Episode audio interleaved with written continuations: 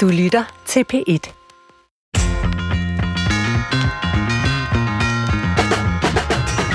Karen Husby er læge og forsker i kræft. Hun prøver hver dag at komme tættere på at behandle den sygdom, der hvert år rammer tusindvis af danskere. En dag opdager hun en knude på sin mand Simons ben. Frygten bliver til virkelighed, og nu står familien pludselig selv med kræftsygdommen helt inde på livet. Men kan Karen og Simon, der begge er læger, bedre håndtere en livstruende sygdom, fordi de netop er læger? Er der forskel på, hvordan man håndterer en sygdom, når man kender alt til den som forsker? Hvad er forskellen på at se sygdommen udefra og indenfra? Det skal Brinkmanns Brix handle om i dag. Velkommen til. Som psykolog, så bliver man nogle gange mødt med en fordom om, at man øh, nok bør, har måske styr på sit liv, i hvert fald bør have det, især den mentale del af tilværelsen. Og hvis man så skulle blive syg, øh, så vil man måske også bedre kunne håndtere at være deprimeret eller angst, eller hvad ved jeg. Måske kan man endda kurere sig selv. Christoffer Heide Højer til retlægger på Brinkmanns Brix her. Nu får du lov at repræsentere den berømte mand eller person på gaden. Tror du, det forholder sig sådan med psykologer? Mm, en lille smule, fordi jeg tænker da, at en mur kan bygge sit eget hus, og en skolelærer kan lære sit barn at læse og skrive. Og så, altså der er noget faglighed i hvert fald, tænker jeg, der må jo afspejle sig på en eller anden måde. Øhm, men er jeg naiv en dag, hvis du bliver ramt af en depression, er du så bedre rustet end andre? Jeg tror desværre, det er lidt naivt. Øhm, øh, vi ved faktisk fra undersøgelser, nu psykologer burde være dem, der vidste en hel masse om stress, og det, det gør de også. Men alligevel er psykologer blandt de allermest stressede, hvis man ser øh, på forskellige professioner og grupper i samfundet. Bare som et eksempel, hvor det faktisk er undersøgt, øh, at os, der burde vide bedre, hvordan forebygger man det, hvordan undgår man at havne der, vi gør det ofte øh, selv alligevel. Og så er der selvfølgelig alle de her alvorlige tilstande, som depression og angst osv., som øh, mine kolleger behandler rundt omkring. Det rammer psykologer også af. Mm. Ligesom læger bliver ramt af kræft, øh, eller ligesom muren nogle gange glemmer måske at vedligeholde sit eget hus, fordi han er mere optaget af at, at bygge for, øh, for firmaet, øh, hvor han får sin løn fra, eller hvad ved jeg. Ja, og skolelærerens børn er jo de værste. Ja, det siger man, og præstens. Ja. Øhm, nå, jamen så en anden, jeg har hørt en fortælling om det her med, at når, når læger får kræft og sådan, så dropper de hurtigere kemobehandlingen, fordi de har set det i øjnene, okay, det går kun én vej. Det, er jo, det kan det jo ikke være, hvis de kan blive raske, men hvis man kan se, okay, der er en udløbsdato på det her forløb, øh, jeg kommer enten til at være meget syg af kemo og dø med det, øh, eller af det, og, eller jeg kan få nogle uger, måneder, hvor øh, jeg kan have det nogenlunde, og så, og så går det så skævt, at jeg dør til sidst. Den her, øh, altså, at man bliver klogere og bedre, eller i hvert fald får mm. en anden syn på, hvordan det vil, hvad det vil sige at være syg. Tror du på det så? Altså, at man agerer anderledes i for eksempel et sygdomsforløb? Altså, det er jo udelukkende anekdotisk erfaring, jeg har, hvad det angår. Mm. Og mhm. der synes jeg bare, at de læger, jeg kender, øh, faktisk er mere nøgterne og være i virkeligheden for objektiv med hensyn til øh, egen sygdom. Okay. Jeg skulle lige, min næste spørgsmål var, kan vi lære noget af lægerne? Men det lyder så ikke til i din her indledning. Ja, jamen selvfølgelig kan vi lære noget af lægerne, og der er også en værdi i at være nøgtern. Ja. Og, og så kan vi jo kalde det realistisk, øh, for at bruge et lidt bedre ord om det. Øhm, og, og, og det kan selvfølgelig godt lære af, men, øh, men måske kan lægerne også lære en gang imellem, at lægerne lærer ja, øh, ikke at, øh, og, og, og, og, og miste håbet. Mm. Øhm, Programmet i dag, det handler jo så om læger, død, ja. øh, måske sorg og sikkert en hel masse andet. Øhm, hvad er du interesseret i at finde ud af med vores gæster? Ja, udover det, vi har talt om nu i vores mm. optakt her, så har jeg en interesse for, øh, hvordan forskellige former for viden om det at være menneske, det at have en krop, det at leve i verden, øh, nogle gange måske er i modstrid med hinanden, og andre gange kan befrugte hinanden. Og jeg mener med det her, at man jo som syg læge både øh, ved noget om sygdommen udefra, objektivt, videnskabeligt, og samtidig er den, der er syg indefra, øh, og har dermed en anden form for viden, som jo normalt er den, øh, patienten har, som lægen forsøger at forstå. Men hvad når man er i begge roller samtidig, eller har begge perspektiver samtidig? Øh, det må give en masse dilemmaer.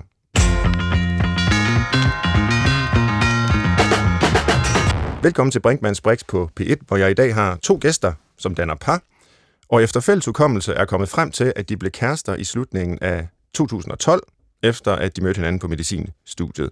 I dag er de gift og har to drenge. Og øh, gæsterne er Karen Husby, Ph.D.-studerende på afdeling for kvindesygdomme, graviditet og fødsler på Herlev Hospital. Velkommen til dig, Karen. Tusind tak. Og tak for, at du vil være med. Og ved siden af sidder Simon Ruben Hansen, som er reservelæge, og øh, du skulle have startet på en Ph.D. til august. Øh, og nu sidder du her, og det er vi glade for, at du øh, er med og fortæller din historie. Velkommen til, Simon. Tak, Svend. Jeg retter lige og siger, at jeg hedder Husby til efternavn. Jeg hed Hansen i det tidligere liv. Øh, Før vi blev gift, men det er fint. Ja, det er godt. Jeg tror, det er min... Øh, der er fejl i mine noter her. Det gør ikke noget. Christoffer, vi, vi kan jo bare tage den igen. Nej. Nej? Ved siden af sidder Simon øh, Husby, som er reservelæge og skulle have startet på en PhD til august. Vi er rigtig glade for, at du øh, er med i studiet i dag. Og, og nu kommer jeg til at rette dig igen. Ja, fedt, mand. Og det er faktisk lidt vigtigt, at du siger, at det er Simon Ruben Husby, fordi Simon Karen, Ruben Husby. Karen har en fætter, der hedder Simon Husby. Øh, og han er også læge. Så det er, ikke Det er for, at være, det er ikke for at være flueknipper.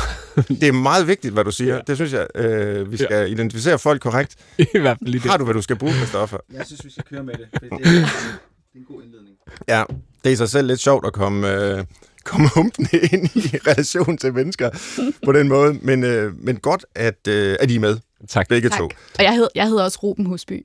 For Ja. lige sådan at gøre det helt perfekt, ikke? Men perfekt. Det her det er den bedste start på øh, Brinkmanns Brik, siden jeg havde Gita Nørby i studiet, som øh, lagde ud med at rette en hel masse ting, jeg sagde. Så, så det, det, det lever I fint op til. Ja, tak. Øhm, hvert år, der bliver tusindvis af danskere jo syge med kræft. Øh, på en eller anden måde kommer vi alle sammen i berøring med det, enten selv eller øh, hos nogen, vi kender. Og det er jo en sygdom, som på vilkårlig vis øh, rammer mennesker, som skal igennem hårde behandlingsforløb, hvis de skal komme sygdommen til livs, eller måske leve med kræften. Og nu skal vi så høre om dit øh, sygdomsforløb, Simon, som selvfølgelig er unikt, men som formentlig samtidig kan bredes ud til en mere almen forståelse af, hvordan det er, eller kan være, at være livstruende syg. Og så også det her med, om læger har en anden oplevelse af at være syge. Det er som nævnt noget af det, der interesserer os i dag. Og vi skal høre jeres historie til at begynde med, øh, selvfølgelig om kræftforløbet her, men vil I ikke lige begynde med at fortælle, hvilken stemning eller tilstand I aktuelt er i? Fordi der kan jo ske alt muligt, nærmest øh, siden vi kontaktede jer, Mm. øh, med hensyn til sådan en sygdom. Så jeg ved ikke, om du måske, Simon, vil, vil lægge for og beskrive, hvad er, hvad er status lige nu? Hvad er status på mig eller på mit kraftforløb? Hvad tænker, tænker du? Gerne begge dele. Begge dele. Jamen, øh, siden I øh, kontaktede os, så øh, har jeg jo fået fundet ud af, at jeg har fået tilbagefald af min kræftsygdom. Mm. Øhm, og at øh, jeg for to uger siden begyndte kemobehandling igen.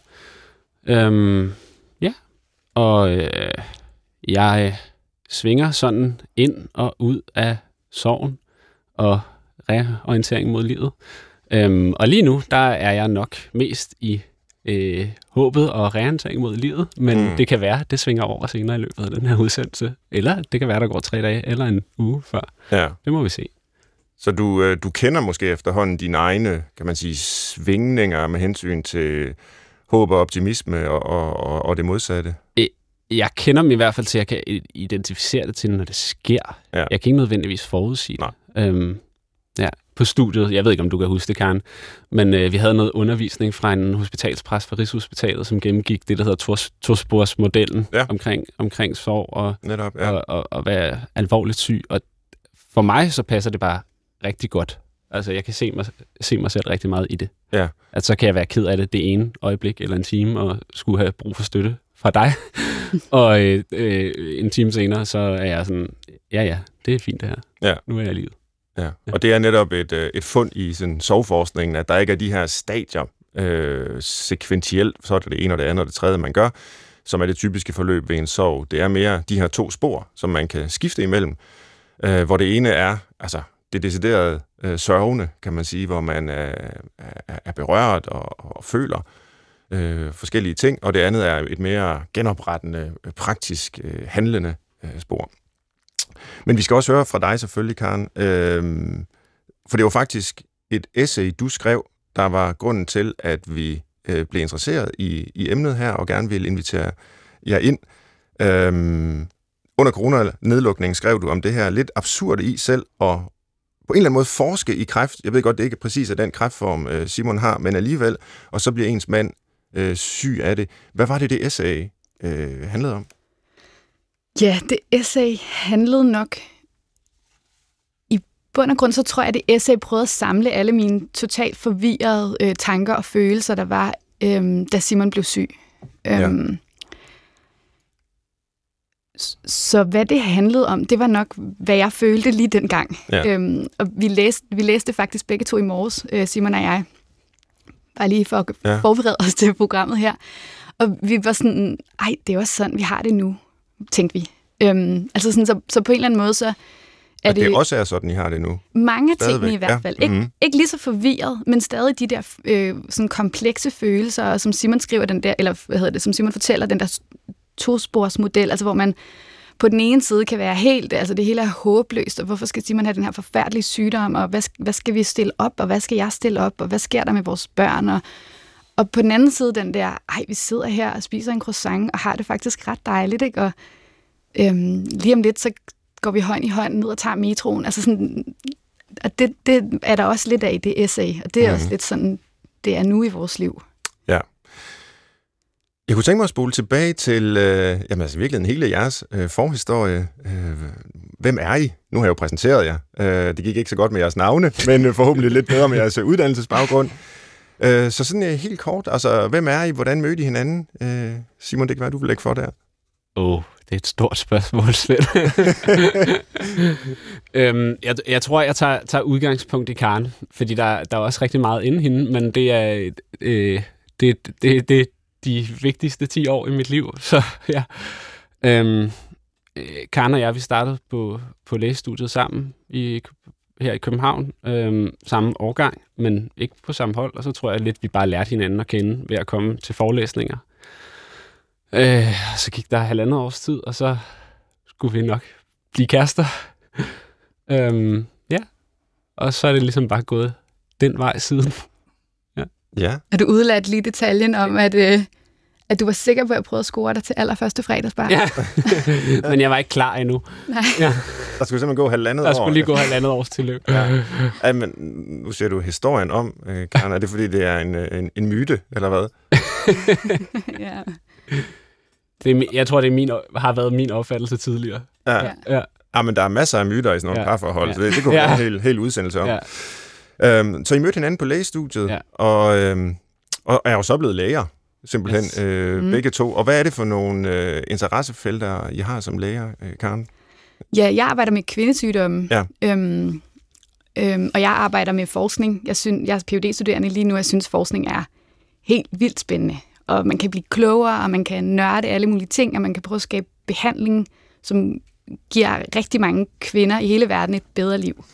Mm. Øhm, jeg laver forskning inden for øh, nedsynkning af livmoderen, især, som er et øh, kæmpestort problem, som der ikke rigtig er særlig mange, der snakker om. Super tabubelagt. Øhm, Men hver femte kvinde bliver opereret for en nedsynkning. Øhm, så Hold da op. jeg, ja, det, Nå, det vidste jeg ikke. nej, men det er der nemlig ikke så mange, der ved. Nej. Øh, men, men jeg prøver at, at hjælpe til, at vi får øh, behandlet alle de her kvinder Ja. øh, på den bedst mulige måde. Ser du patienter? Øh, nu ved jeg ikke, hvordan. Der er jo forskellige måder, man kan være forsker på som læge. Man kan sidde i et laboratorium, og man kan have mere klinisk kontakt med mennesker. Øh, hvordan ser din hverdag ud der? Lige nu ser min hverdag ud, så jeg ikke ser patienter. Okay. Jeg laver øhm, registerstudier. Ja. Så jeg sidder med en masse tal og Ja. data. Og Simon, jeg nævnte, at du Mm. skulle have været i gang med et øh, Ph.D.-studie. Ja. Hvad, hvad skulle det handle om? Jamen, øh, det skulle øh, handle omkring øh, forebyggelse og, og tidlige øh, indsatser hos flygtninge i forhold til forebyggelse af psykiske lidelser som Okay. PTSD og depression. Ja. ja. Ja. Øhm, Og grunden til, at du ikke er, øh, eller skal i gang med det, det er jo simpelthen, fordi du, ja, du er sygemeldt. ja. Øh, øh, vi har fået nogle øh, penge til noget af det, men så, ja, så blev jeg syg i forbindelse starten, og, og øh, da, da jeg fik min kræftsygdom oprindeligt, og så nåede jeg lige at komme tilbage på fuld tid her, øh, indimellem øh, behandlingsforløbet sluttede, og indtil, øh, ja, at vi nu øh, fandt ud af, at det var tilbage. Mm. Ja, ja.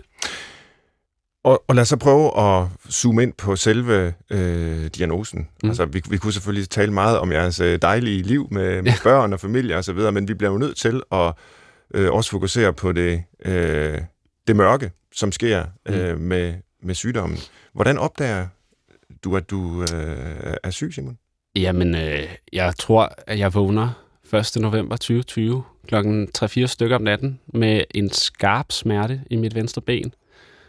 Øh, og sådan det, det, den måde, jeg bedst kan forklare det på, det er, at jeg synes, det minder om, da jeg var ung og spillede håndbold og havde glemt at strække ud og vågne om natten med krampe i benet. Sådan meget pludselig skarp smerte, der gør, at jeg vågner. Men det hjælper ikke at strække ud i det her tilfælde, som det ellers havde gjort, da jeg var ung. Øhm, og det bliver ligesom ved med gøre ondt. Jeg kan ikke rigtig falde i søvn. Øhm, og så, ja, så måske efter en time, så går det ligesom væk. Nå, okay, Mm. så sover jeg videre. Øhm, gør en lille smule ondt dagen efter, og så øh, fortsætter jeg ellers mit liv. Undrer mig lidt over, hvad det er. Nå, var det fordi, jeg lige sprintede op ad en bakke dagen før på en cykel, hvor jeg ikke havde varmet ordentligt op? Var det en fiberspringning? Det har jeg tidligere prøvet at få. Undrede mig lidt over det. ja, men Ja. gik på arbejde. Øh, og så to uger senere skete det samme igen om natten. Øh, ja, og der var så også en bule. En lille bule på benet. Mm. Vi gik, vi gik og Øhm, kiggede på bulen, ja, ikke? Og, ja. og tænkte, hold da op, den er, den er stor. Ja, Og sådan eller mærkelig. Ja. Ja. ja. Vi var sådan lidt betaget af den der bule der. Ja. Øhm, Og så tror jeg, ja, du må gerne fortælle noget, hvis du vil det. men jeg tror nemlig, at da den ligesom blev ved med at være der et par uger, så lige pludselig, så, så slog det mig, at øhm, så, så fik jeg sådan, øhm, det der, den er helt gal. Det kan være, det er et sarkom. Øhm, og grunden til, at jeg fik sådan, den indskydelse, er, at vi havde en rigtig god øh, fælles veninde, en amerikansk veninde, som jeg boede sammen med under et forskningsophold i Boston. Øhm, og hun fik et sarkom i benet og døde af det. Og bare lige for at forklare, sarkom, det er jo sådan Mm. mm. knogle muskelkraft. Tak. Okay. Ja. ja. Øhm, Som giver simpelthen sådan en synlig knude eller Hævelse. hævelse. Det kan det det gøre. kan det. Og natlige smerter kan det også give. Ja. det kan sidde mange steder og give mange forskellige symptomer og ingen symptomer. Øhm, Okay. så, Ja. så det er ikke sådan... Hvor, Øhm. hvor udbredt er øh, Det er, sarkom? det er super sjældent. Ja. Altså, jeg, Er det 100 om året i Danmark? ja, en Hold per da op. million i USA, siger man, tror jeg. Eller Ja. sådan noget. Øh, ja. Så altså, hvad er sandsynligheden for at møde en, og så selv få det senere? Jeg sad, jeg sad faktisk, Simon gik til lægen, og så sad jeg på min, øh, min, min havde, havde et møde med min professor, min phd vejleder og begyndte at græde, og var sådan, jeg tror, Simon har et sarkom. Og så, så kiggede han på mig og sagde, ved du hvad, den statistisk, altså statistisk set er det fuldstændig usandsynligt, at Ja. du kommer til at kende to, der har et sarkom. Ja. Men øhm, ja. Hvordan fandt de så ud af, at det var, hvad det var? Jamen, øh, jeg tror, at da den, da den værste øh, frygt ligesom var opstået hos os begge, så ringede jeg til egen læge og fik hurtigt en tid der, og så øh, fik jeg hurtigt lavet røntgenbillede, ultralydsscanning, og kom, som, øh, hvor der var noget mistænkt, og kom så i kraftpakkeforløb. Okay. Ja, så hurtigt ind og blive scannet og vævsprøver og alt det her. Ja. Ja, så det gik, rigt, det gik rigtig stærkt. Jeg Ja. ja. tror, du var til lægen første gang den 30. november, og Ja. ja. vi fik diagnosen på din 30-års fødselsdag ja. den 10. december. Okay. Yes. Så der er diagnosen simpelthen et Der, ja, Der der, har du, der har du Ja. ja. svaret fra øh, knuden i benet. Ja. Ja. Og hvad, hvordan reagerer I på, på den besked? ja. Beskeden, beskeden var faktisk mærkelig, fordi den var næsten en lettelse. Jeg tror, at det var tiden op til, der var sådan affødt de største reaktioner. Mm. Øhm, vi, Uvidsheden. Uvidshed. lige præcis Ja. uvidsheden, og det der med, at vores verden ved at forsvinde under os. Øh, det hele vælter rundt. Ja. Øhm, jeg tror, det der med vores veninde Betsy, som døde af det der sarkom, det var sådan, dør Simon så også nu?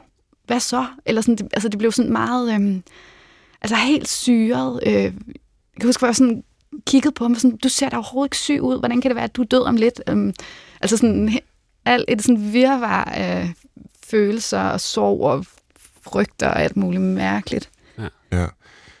Og det lyder også mærkeligt på mig, at en, øh, en kræftform i benet kan være så øh, farlig, som det jo lyder til, det er. Mm. Øh, altså potentielt dødelig med, med jeres amerikanske veninde, mm. Der som et eksempel. Altså, øh, ved- man plejer jo at tro som lægmand, ikke, at hvis de der kræftformer, der sidder ligesom i de indre organer osv., det, det er det rigtig farlige, der kan sprede Mm. sig rundt osv., men i benet, altså hvad er grunden til, at det er så, øh, så farligt, som det er?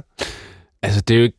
Det er jo, kraftsygdomme er over 200 forskellige sygdomme. Mm. Som det er svært at sammenligne, og vi, vi gør det, tror jeg, lidt i offentligheden, og kraftens bekæmpelse og knæk cancer, men det er bare vidt forskellige sygdomme, så det, Okay. det er også svært at sige, at en kraftknude i benet er øh, så alvorligt. Der findes forskellige undertyper, øh, også selvom øh, ja, jeg er jo ikke kraftlæge, øh, så der er nogen, der ved endnu mere om det end mig. Men det, der er med kraft, det er, at, at, kraftceller, de udvikler sig sådan, at det kan sprede sig til andre organer. Mm. Ja. Så det, det er sådan set det, der er farligt ved det. De deler sig ligesom alle andre celler, men de deler sig ligesom ustyrligt. Ja. Øhm, Og Ja. ja. går så via blodet eller lymfebanerne til andre organer. og det der lige er med Simons øh, kræftsygdom, som er et sarkom, der jeg tror, der findes over 100 sak- forskellige sarkomer, så det er også øhm, mange forskellige slags Ja. sygdomme. Ja. Men, øhm, men det er bare en rigtig aggressiv kræft, Mm. og det er det, der gør, at det er farligt. Ja. Nu fortalte I før, at det var måske uvidsheden inden selve diagnosen, der var det værste. Men kan I sådan huske helt konkret det, at I får at vide, det her, det er, hvad det er, og mm. behandlingsforløbet mm. øh, tegner sig, det ser sådan og sådan ja. Ud, prognosen er sådan og sådan. Nu ved jeg, jeg har aldrig fået Nej. øh, en diagnose på det, men jeg ved simpelthen ikke, hvad man får at vide. Ja, altså men, men, men hvad sad I og tænkte, da I Det- hørte det? til, vores, til vores historie skal det siges, at det, det er der den 10. december på min 30-års fødselsdag, og øh, jeg har allerede fastet, fordi jeg skal til øh, en scanning om morgenen, som de laver for en sikkerheds skyld, mens vi ligesom venter på det her, for at se, om der er spred, spredning af kraften. Øh, På, på den potentielle kræft, som vi ikke vidste ja, på det Ja. tidspunkt. øh, så jeg er ligesom i det mode allerede. Ikke? Altså min Mm. mm. fødselsdag er ødelagt. Ja. Men Ja. øhm, og, og, og jeg kan huske momentet, hvor vi går på Randersgade, og min telefon ringer fra afdelingen, øh, som så har vævsprøvsvaret, som så siger det endeligt. Jeg tror, jeg havde indstillet mig på det på en eller anden måde. Det er sjovt, jeg husker det anderledes. Ja. Jeg kan huske, at vi sad i, øh, i sofaen inde i stuen, og du, havde, du sagde, jeg har fået en, øh, en notifikation på min telefon. Ja, vi har fået svar nu.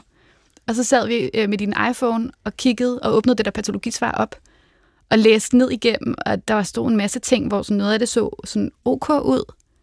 Øhm, og man tænkte, "Ej, det kunne godt være, at det ikke er helt kræft. Og så kom vi ned til bunden, og så stod der Ewing sarkom, mm. og så var vi sådan, okay, Altså, får man den besked øh, elektronisk? Man kan tage den. Man kan vælge Det at Er, er åbne det fordi de læger, at de kan det? Nej. Eller kan enhver det? Det, er- det synes jeg, der er en voldsom En hver, besked en hver få i hvert fald telefon. øh, i Region Hovedstaden. Jeg ved ikke, hvordan det er i de andre regioner. Okay. Men øhm, det anbefales jo ikke. Nej. Det anbefales, Skal at det man, man, Ja. man får den af en læge, der kan Ja. forklare, hvad det Ja. her betyder. Ja. Men I ved jo, hvad det betyder, kan man Ja. sige. Og, ja, og jeg tror, øhm, øh, lige der, der var, vi var også, var sådan, vi, vi troede, at det var malin. Vi troede, det var, vi troede, det var kraft. Ja. Øhm, lige siden har vi faktisk ikke tjekket de der ting. Altså, vi, vi får altid svar på øh, Simons undersøgelser, hvor vi bare kan åbne det op på en telefon. Ja. Øhm, og dem tjekker vi ikke. Vi har en aftale om, at vi, vi, øh, der vil vi have svaret, når, vi, når der sidder en læge og kan fortælle os, hvad planen er. Mm. Øhm, så vi ikke sidder derhjemme i sofaen og ikke ved, hvad vi skal stille op. Øhm, men lige den her, den læste vi derhjemme. Øhm, ja. og, så, og så var vi sådan, "Om, skal vi stadig gå ned og købe den der kop kaffe på Nordre Frihavnsgade, vi lige havde aftalt, vi skulle, eller, Mm. eller hvad, hvad skal vi egentlig nu så? Altså, det, Ja. ja. det, var, det var en meget syret øh, oplevelse. Hvad, gjorde I så? Vi købte kaffen, den smagte Ja. ja. lidt anderledes, end den plejer. Det kan jeg godt forestille. Og så ringede han nok til, på tilbagevejen. lægen. præcis, præcis. Ja, okay, yes. Det var sådan, det var. Altså, så ringer... Så ringede, Det var det, jeg fortalte om før, Ja. ja. at så ringede lægen og Ja. sagde det. så sagde han, skal I ikke lige komme op øh, forbi i morgen? Ja. Og det synes vi var en rigtig fin idé. Ja. Og det var så der, han begyndte øh, at fortælle, hvad planen var. Mm. ja. Uden at han så fuldstændig kunne sige det, fordi han var ortoped, altså knogle og Ah, okay. ja. knoglekirurg og ikke kraftlæge. Får man øh, sådan nogle... Altså, nu talte Kristoffer og jeg lidt indledningsvis om det her med det, det nøgterne, som ja. Ja. jeg knytter lidt til lægefagligheden, øh, og som jo skal være der, øh, ja. Ja. fordi det er et videnskabeligt øh, anlæggende at være læge, men det er også et menneskeligt. Mm. Øhm, får man en prognose at vide, for eksempel? Hvad er udsigterne? Mm. Øh, eller, eller hvad? Hvis du spørger til den, så får du den. Ja. Øh, Men det er ikke noget, som... men ellers så det, de sagde, øh, det kraftlægen sagde, at, de, at det er en alvorlig sygdom. Ja. Øh, Det er det, han vendte tilbage til hele tiden. Ikke? Det er Ja. en meget farlig sygdom. Det sagde han. Og sådan har det været hele vejen. Behandlingen, Simons behandling er gået rigtig godt, og sådan meget efter planen, Ja. øhm, så det er gået godt. Så vi har været sådan positive, men med den der, men det er en meget farlig sygdom. Ja. Mm. det har stadig været sagt. Og du skal ja, gå 10 år, i, altså fik jeg at vide 10 år i kontrol, ikke, da jeg blev afsluttet behandling. Ja. Mm. Ja. Vi har lagt op til det her med, at der er forskel på at være læge og få sådan en besked, og så få den, når man ikke er læge. Ja. Nu har I jo ikke prøvet at få den besked, hvor I ikke har været læger, så I kan i sagens natur ikke vide det. men, men, men, men tror I, der er den forskel? Tror I, I ville have øh, reageret anderledes, hvis ikke I havde haft jeres øh, faglige baggrund? Jeg tror, det er jo sådan en livskrisereaktion. Den tror jeg er mest knyttet til, hvem vi er som mennesker. Ja. Øhm, jeg tror, der er rigtig mange lag, eller sådan, som vil være lidt anderledes, hvis vi ikke havde været læger. Altså sådan, så havde vi måske øh, tænkt anderledes over det der patologisvar, eller vi havde øh, tænkt noget andet i det, lægen sagde, da han ringede, eller altså sådan, have forstået en masse ting anderledes, eller vi ville måske ikke have vidst lige så meget, hvad, hvad indebærer en kemobehandling, eller hvordan vi ville måske have tænkt over, hvordan skal vi finde hen til det der hospital, eller hvad betyder, øh, altså, hvordan finder vi lige rundt, eller altså, mm. ja, så ville vi have tænkt over alle mulige andre ting, hvor nu tænker vi måske over nogle andre, noget andet. Ja. Øhm, Simon sagde i starten, at, øh, at der var sådan op- og ned kurver med, med humøret. Og, og det er jo selvfølgelig helt naturligt i sådan et forløb her. Mm. Som den, der øh, ser på, Karen, hvordan, mm. hvordan har dit humør været undervejs i, i processen? øhm, meget det samme egentlig. Ja. Øh, op og ned. Der er sådan tider, hvor man tror alting, det skal nok... Det er ikke sådan, alt bliver godt, men alt skal nok blive fint, eller sådan, vi klarer det. Øhm, og så er der nogle gange, hvor det var helt håbløst. Og det, det svinger, det gør det også, altså det gjorde det dengang under første behandling, det gør det også her nu under anden. Hvor nu ved jeg jo godt, hvad det betyder at være i, at have en mand i kemoterapi. Jeg ved, hvor mega hårdt det er. Øhm, så det kan være helt uoverskueligt, at det her, det er mit liv. Måske det næste halve år, måske meget længere tid. Mm. Øhm, og så svinger det tilbage, og sådan, ej, det er sommer, og solen skinner, og der er lige sket et eller andet spændende på mit arbejde, eller vores øh, dreng skal starte til fodbold i morgen, og det bliver vildt sjovt. Altså sådan, øhm, det svinger helt vildt. Er der noget, I gør for at holde humøret oppe? Er der noget, øh, nu er det også et psykologiprogram, det her. Altså noget, I griber til på en eller anden måde, som er hjælpsomt? Altså ud over det rent øh, lægefaglige med at behandle sygdommen, selvfølgelig. Ja, altså øhm, mit første behandlingsforløb, det var, det var under corona, og jeg var rigtig meget på hospitalet. Jeg har regnet ud, at i 2021 var jeg mere end 70 dage på hospitalet. Lang tid. Øhm, så jeg læste meget litteratur. Mm. Nogle af dine bøger, blandt andet, Svend. ja, Men det er godt. og øh, ja, det, det har bragt meget, mig meget glæde. Det- Jeg, jeg sidder og kigger hen på Simon, for jeg tror lige præcis, det er det, vi har gjort. Altså for det første, så prøver vi ikke at holde humøret op kunstigt. Vi prøver ligesom at tillade de følelser, der er, fordi ellers så bliver det bare... Øh, så føler man sig endnu mere forkert, ikke? hvis man skal gå og have en følelse, der er svær, og oven i købet ikke må have den. Ja. Øhm, men så tror jeg, at jeg har ikke øh, læst lige så mange af dine bøger, Svend, men jeg har hørt dem alle sammen refereret igennem, Simon. Okay. øhm, Og det vidste jeg altså ikke. Det er ikke derfor, vi har taget ind for at sige det fra åben mikrofon, skynder mig at sige. Det, øh, Men, men det, har, det har ligesom øhm, hjulpet os til at finde sådan en øh, ro i nuet, kalder jeg det lidt. Mm. Øhm, det er sådan, det, vi, vi har ligesom lært, det skal siges, det har taget, taget, taget lang tid at lære det, men vi har ligesom lært sådan en, øh, vi, at glemme alt omkring os. Ja. Så er vi bare lige der, hvor vi er, og det hjælper os rigtig godt på det at have små børn, som ligesom holder en helt til stede i øh, konflikten om en rød kop, eller hvad det nu måtte være. Ikke? Øhm, så vi, vi har i virkeligheden, øh, når man kun kigger lige nu, så er det jo verdens bedste dag. Øhm, og når man, når man, og det, vi, det har vi haft rigtig meget fokus på. Mm. Så vi har på en måde sådan lidt øh, skippet øh, hamsterhjulet og karriereplaner og øh, drømme om, hvor man skulle rejse det ene eller det andet sted hen, og hvor trist det var med corona, der lukkede ned for den der feriedestination, eller hvad det nu var. Vi har bare været sådan, solen skinner i dag, lad os tage skoven, eller Mm. vi har bygget sindssygt mange togbaner hjemme på stuegulvet, og vi har været sindssygt meget sammen med vores børn. Øhm, også som sådan en, øh, hvordan, hvordan støtter man lige nogle, sådan nogle små børn? De var et og tre, da Simon blev syg. Ja. Hvordan skaber man lige tryghed for små børn, når man lige pludselig er, bor i et hjem, eller er i en familie, som faktisk ikke er særlig tryg? Ja. Så vi har sådan tænkt, det, det er noget med tid. Det er noget med øh, nærvær. Så vi har siddet timevis i sofaen og læst bøger sammen. Og, Mm. øhm, og det her tror jeg har, altså både på sådan altså oxytocin-niveauer og, og hvad hedder det, afstressning, alt muligt. Jeg tror, det har virket på mange planer, men det har jo bare skabt, at vi har haft helt vildt mange gode timer sammen. Ja. Så er vores venner kommet forbi med aftensmad, så det skulle vi ikke stresse over at lave. Og, altså sådan, vi har ligesom sådan en undtagelsestilstand, hvor man bare måtte det, man vil, og bare mm. kunne gøre det, man havde lyst til hele tiden. Ved børnene, at, Simon, at du er syg, Simon? Øh... Ja, øh, vi kunne ikke skjule det for, for ham. Nu sidder jeg jo her og har, har hår og øjenbryn og øjenvipper. Og, Mm. øh, men allerede dengang under, under udredningsfasen, ikke? Altså, da, da vi havde en mistanke om, at jeg var syg, blev Karen og jeg jo påvirket af det. Altså, vi var kede af det og ude af os selv. Så der snakkede vi allerede, allerede med børnene om det. Ja. At der var en bule på mit ben, og at lægerne var ved at finde ud af det. Og det var derfor, far og mor var ked af det, fordi de var bekymrede. Mm. Det ikke sådan? Jo, og, og det var lige præcis den der med, at det er jo svært for børn at være i sådan en, så tæt på en sygdom, men, men hvis vi nu prøver at, at snakke om det, så det ikke også skal være sådan en tabuiseret ting. Mm. Mm. Øhm, så vi har, vi har prøvet helt fra starten, og det, nu føles det som det naturligste i verden, men vi gjorde os rigtig umage i starten med det der med at sige, se, jeg har en bule på benet, prøv at komme og mærke, vi ved ikke, hvad det er. Vi er faktisk, øh, vi, vi, vi, vi er lidt bekymrede for, hvad det er. Og nu er der en læge, der har stukket en nål ind i, og så finder de ud af det. Det er mega smart, det er vildt dygtige dem der. Så finder vi ud af, hvad vi skal gøre. Eller sådan, Mm. så sådan i talesæt det der. Øhm, Ja.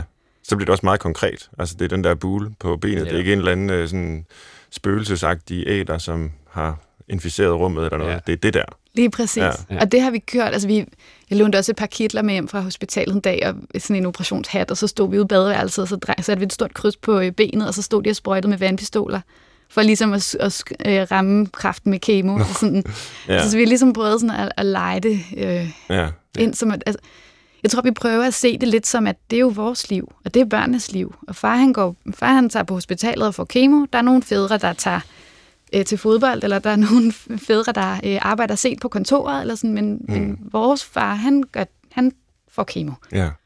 Mm. Og det er jo helt tydeligt, at I, både det, I fortæller, men også bare at sidde og se på jer nu, at øh, I, I er simpelthen et rigtig dejligt par, og det lyder som om, I har en skøn øh, familie. I støtter hinanden. Men har I også brug for at øh, gøre noget hver for sig? Øh, I forhold til at håndtere det, bearbejde det. Det kan man jo godt have. Øh, altså, rase ud i skoven, eller hvad ved jeg. Altså, øh, eller, eller foregår det øh, som, som et par, hele den her proces? Det foregår nok ikke kun som et par. Øhm, jeg ved ikke, om det er lige ret ud i skoven, eller hvad det er, men jeg tror, vi, vi prøver nok at leve så normalt, som vi kan. Altså, vi kunne godt lide det liv, der var før Simon blev syg, så vi sådan holder os ligesom fast i det normale liv, og der var vi jo heller ikke sammen hele tiden. Nej, nej.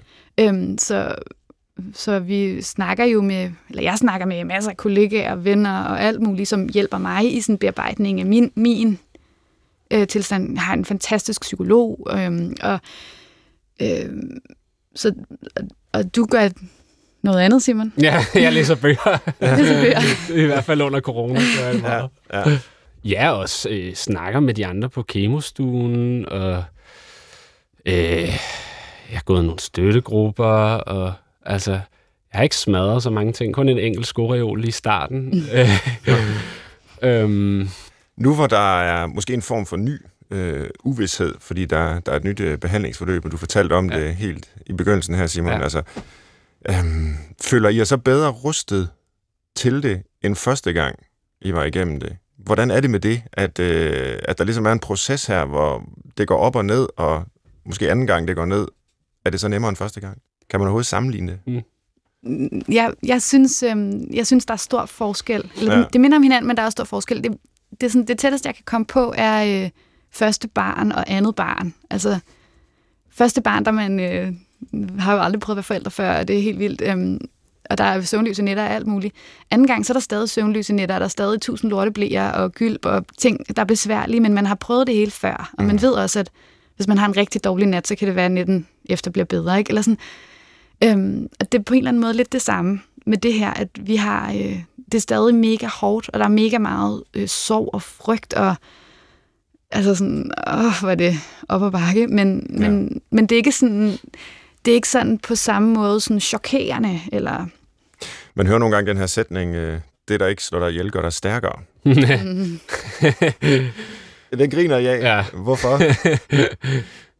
ah, men øh, ja, det, der var også en, en, en bekendt, som spurgte mig på et tidspunkt i under i slutningen af mit behandlingsforløb. Udover, udover at jeg har fået kemo, så, så har jeg fået øh, protese for halvdelen af, af lårbensknoglen fra mit knæ og fjernet en muskel øh, i mit ben, så jeg har, jeg har et, et, et handicap nu.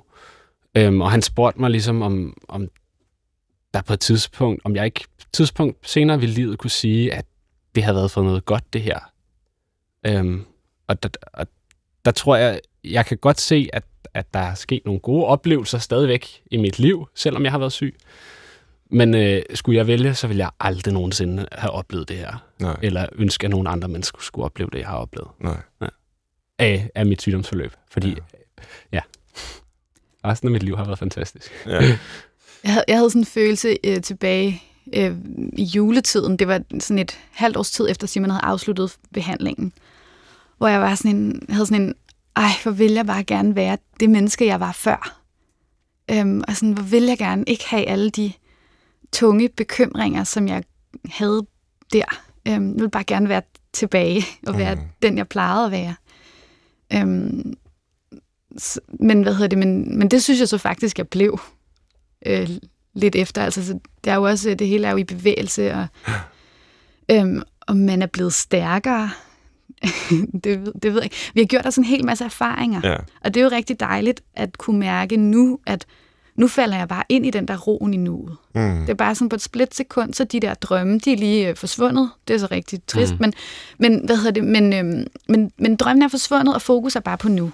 Og så behøver der ikke at være så meget øh, frygt, som der måske kunne være, fordi solen skinner, og vi skal spise en is med vores børn i gården. Altså sådan, det, det bliver jo virkelig tryghed i det nære, ikke? eller sådan den der sådan helt... Øh, Ja. ja. Når nu I får at vide af, af lægerne, øh, gang på gang lyder det til, at øh, det er en meget alvorlig sygdom. Mm. Det er det udtryk, I har brugt. Mm. Det er meget alvorligt. Og Mm. i oven i købet, hvilket var helt usandsynligt, kendte en, øh, der også havde sådan et sarkom, og som døde af det. Mm. Gør jeg så selv tanker om døden? Er der dødsangst forbundet med at få øh, den diagnose her, Simon? Ja, ja, ja, ja, der tænker jeg lidt på, hvad, hvad er dødsangst egentlig? Ikke? Mm. Øhm, jeg tror ikke, der hvor jeg er nu, og, og også i lang tid, at jeg er ikke så bange for at dø. Og det, det har jeg også snakket om under mit, mit kontrolforløb de her ni måneder, hvor jeg ikke var syg øh, mellem behandlinger og nu. At jeg var egentlig ikke så bange for at dø og skulle få øh, at skulle dø af sygdommen. Men jeg er bange for at skulle være syg igen, fordi det er et hårdt liv Mm. øh, at, at være så syg, som jeg har været.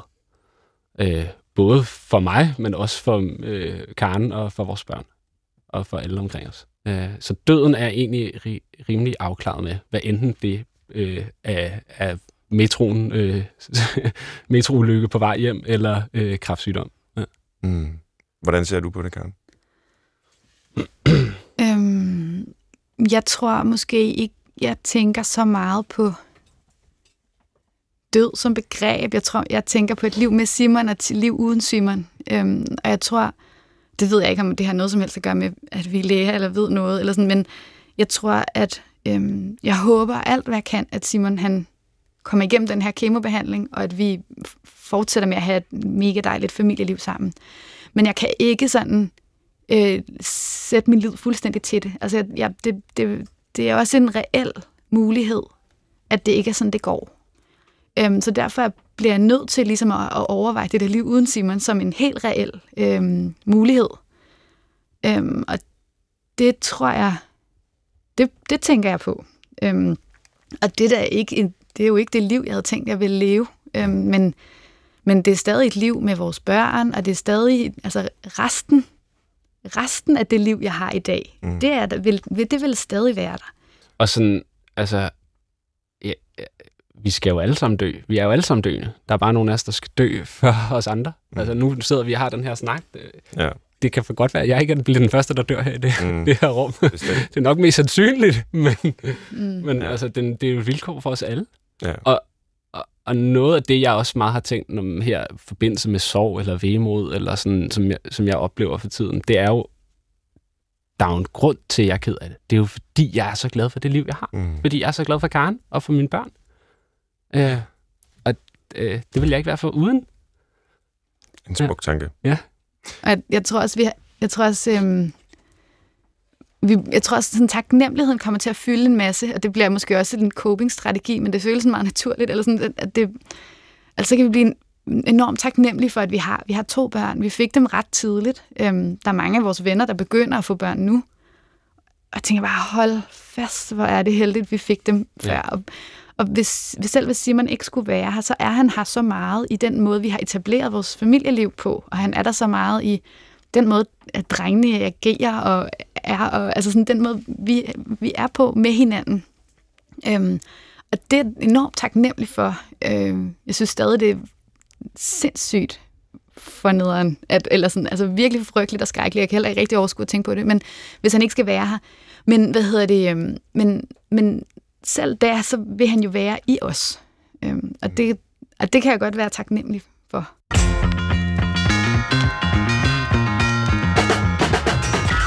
Du lytter til Brinkmanns Brix på P1, og jeg taler i dag om øh, livet med sygdom, set gennem et ungt lægepars briller her i dag.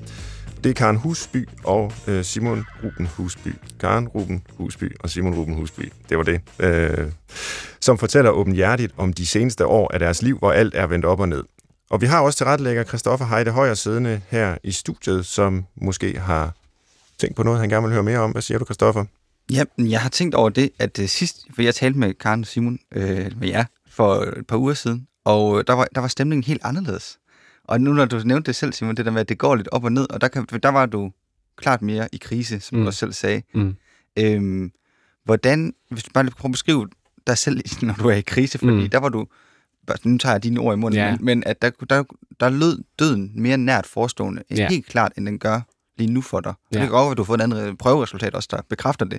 Men Ja. hvad, hvad er den der, det der skift, er lidt interesseret i, hvordan Øhm, bevæger dig ind og ud af det, fordi det ja, lyder også lidt hårdt. Ja, og, og jeg har egentlig lyst til at rette de ord, jeg sagde med, eller det bliver måske sådan lidt, lidt, lidt ordfnederi, men, men egentlig at rette det til det, til det med sorg, eller øh, være orienteret mod døden, eller i, modsætning til at være orienteret mod livet. Og der var jeg måske mere orienteret mod døden på det tidspunkt, men øh, altså, nu er jeg kommet i kemo igen, Mm. og nu er det ligesom blevet den virkelighed, der er. Og så øh, er det på en eller anden måde nemmere at være til stede her lige nu i DR-byen og sidde og snakke om de her ting, end hvad det var for to uger siden. Okay, fordi der simpelthen er noget håndgribeligt, der er i gang. Jeg tror, der er noget håndgribeligt i gang, og så tror jeg også, at jeg har fået øh, mange øh, det, det her med døden og de her eksistentielle tanker, øh, som det er sådan, nå ja, men altså mit liv, det giver mening. Øh, ja, på, på plads på en eller anden måde igen. Mm. Ja. Jeg bliver også nødt til at spørge dig, fordi nu har vi haft, jeg har jo siddet her ved siden af Svend i mange år, skulle jeg til at sige efterhånden. Hvad får man dog ud, over, ud af at læse hans bøger? Ja, godt spørgsmål. øhm, øh, altså, udover min, min egen sygdom, så er det ikke, det er ikke første gang, jeg sådan stifter bekendtskab med døden. Øhm, jeg har haft nogle øh, venner, som døde ungt af ulykker og sygdom, og du har allerede nævnt Betsy. Så jeg har altid været sådan lidt øh, opsøgende over for øh, ja, at, at snakke om døden, men har manglet nogle ord for det. Øhm, og, og et af de passager, jeg allerbedst kan lide fra Svends bog, og jeg tror første gang, jeg stiftede bekendtskab med den, det er, det er den Simon Critchley's De Døde Filosofers bog, hvor du har skrevet efterskrift. Det er den her passage med, at øh, mennesket som udgangspunkt er impotent.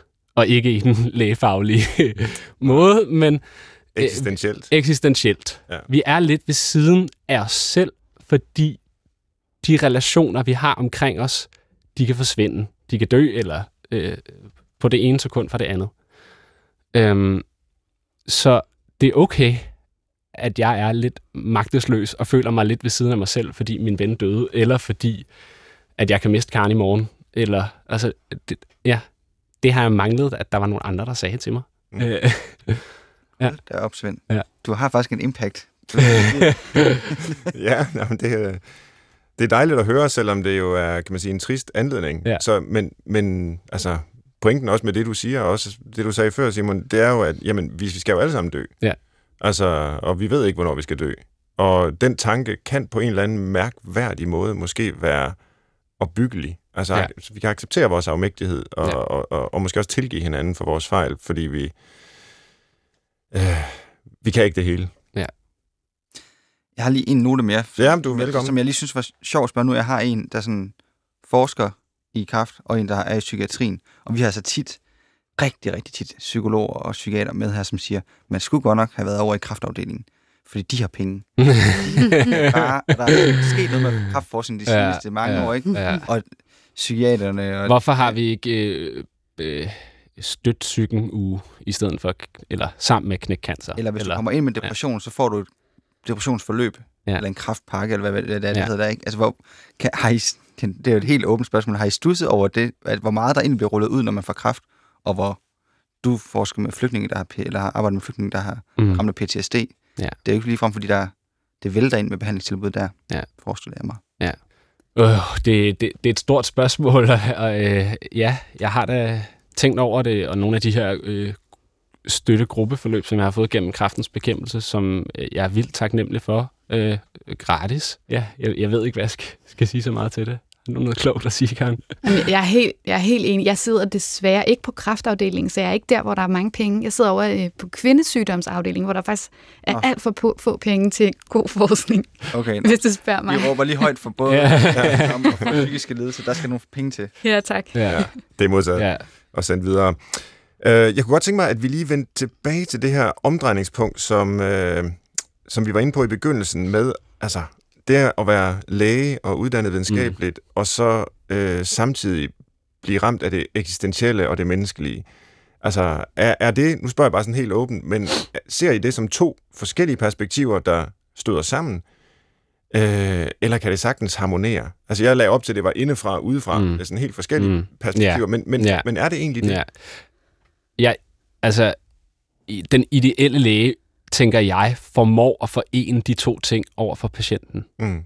Det er sindssygt svært, og sindssygt svært at balancere, og det er heller ikke sikkert, at alle patienter vil have, at de to ting bliver øh, harmoneret, men sådan, ja, det, det tænker jeg. Øh, Ja. Øh, og øh, hvis jeg nu tager udgangspunkt i, mit, øh, i mit eget sygdomsforløb, så øh, er, er det vildt svært for mig nogle gange både at... Jeg skal jo ikke være min egen læge, men jeg er det jo nogle gange. Øhm, Mm. øh, og for, for eksempel at tage stilling... Øh, i, I forbindelse med første behandlingsforløb, så fik jeg meget lav blodprocent, som er en, en følge af kemobehandling. Øhm, og når man får det, så kan man få hjertebank, man kan få vejrtrækningsbesvær, fordi der ligesom ikke er nok til at lede ilten i blodet. Så det er ligesom at være højt oppe på et bjerg. Ikke? Mm. Øhm, og og det, det var jo noget, jeg skulle prøve at erfare på egen krop. Jeg har læst om det i bøgerne, jeg har læst om symptomerne, og hvad jeg skal spørge ind til som læge, øh, og hvornår man skal give blod, og på, ja. Øhm, men jeg besluttede mig for, at jeg skulle prøve at cykle op ad Bispebjerg Bakke på et tidspunkt med en meget lav blodprocent, og det var ikke en så klog idé.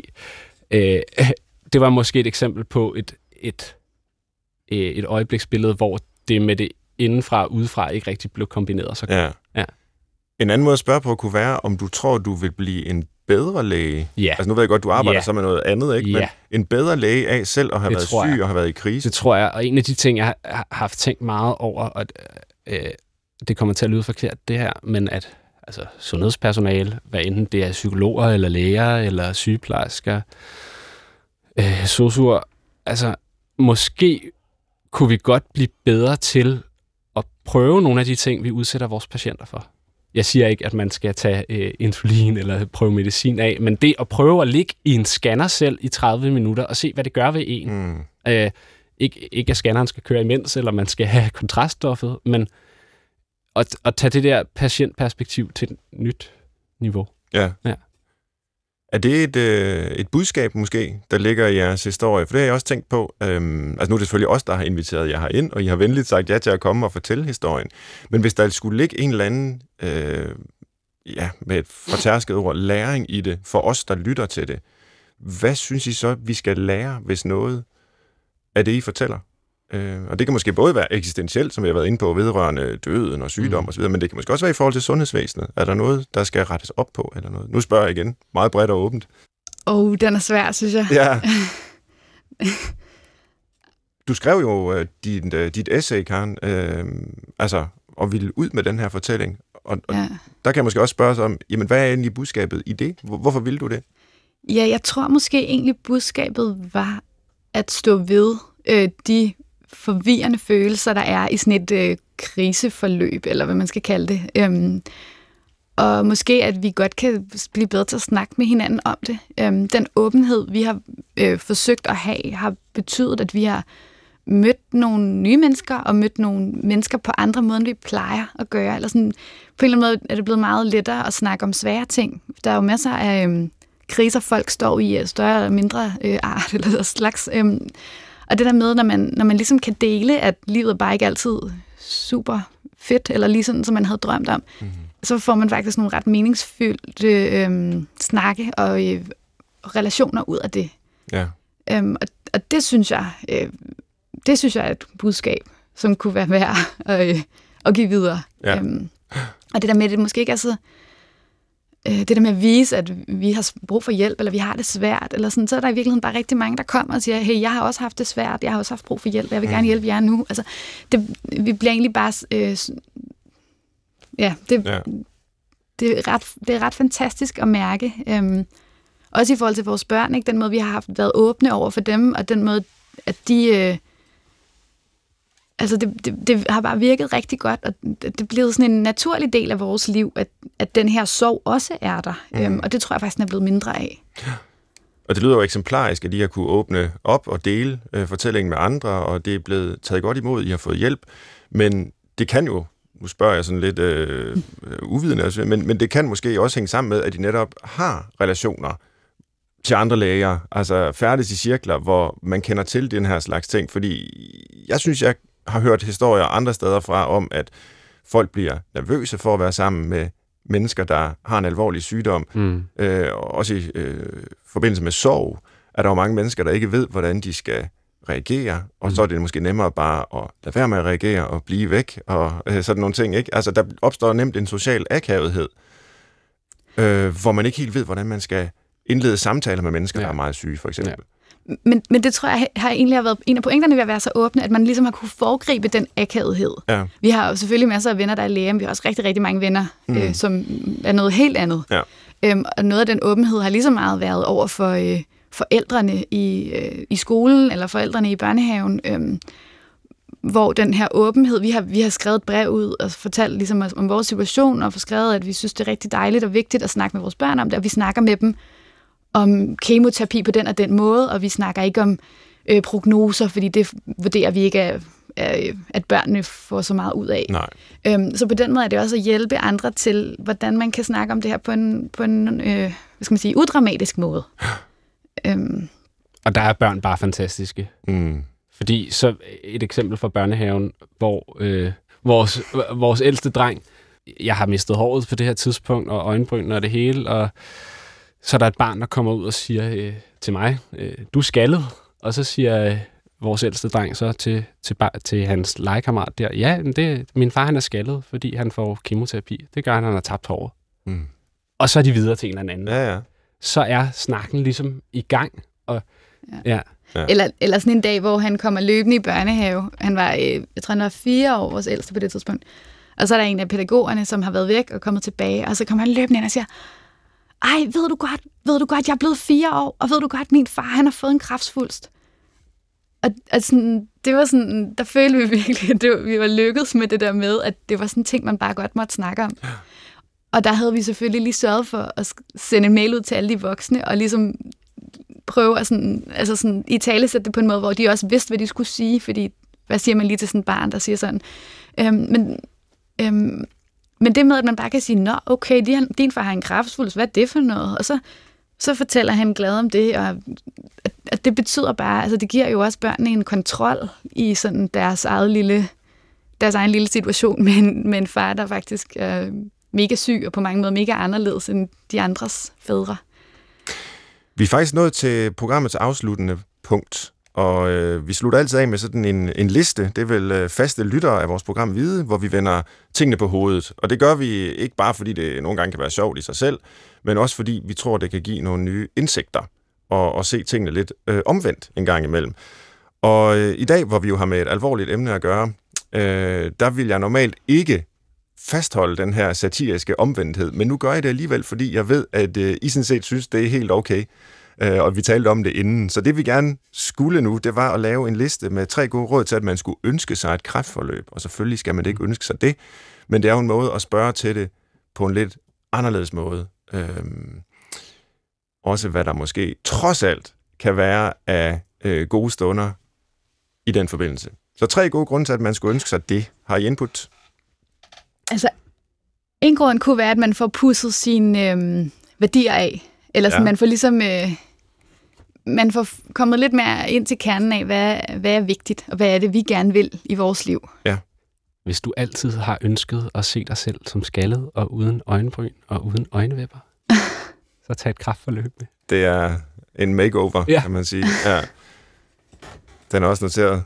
Jeg tror bare, altså den der, det er også det, jeg snakker om nogle gange, den der roen i nuet, altså sådan det der med bare at kunne være til stede lige der, hvor man er, og nyde det for fuld hammer, Mm. uden at bekymre sig så meget om øh, de der møder, man skal have på arbejdet i morgen.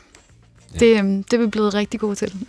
Og det er tydeligt kommet frem her i øh, samtalen også. Øh, I skal have tusind tak for at dele historien med os. Øh, det har været øh, rørende og bevægende og, og lærerigt øh, at høre på jer.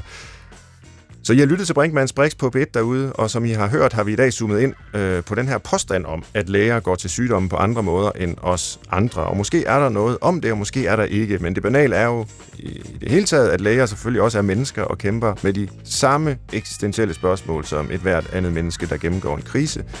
Så tusind tak til Karen Ruben Husby og Simon Ruben Husby. Jeg ønsker jer alt det bedste fremover. Jeg er sikker på, at samtalen vil være inspirerende for mange, der sidder i lignende situationer, og for mange af os andre, der helt sikkert kan spejle sig i jeres tanker og følelser. Og hele det lille hold her bag Brinkmanns Brix siger tak for nu. Det er til retlægger Christoffer Heide Højer og jeg selv, Svend Brinkmann. Skriv gerne til os på brinkmannsbrix.dr.dk med ris og ros eller programforslag. Jeg håber, vi høres ved. Tak for i dag.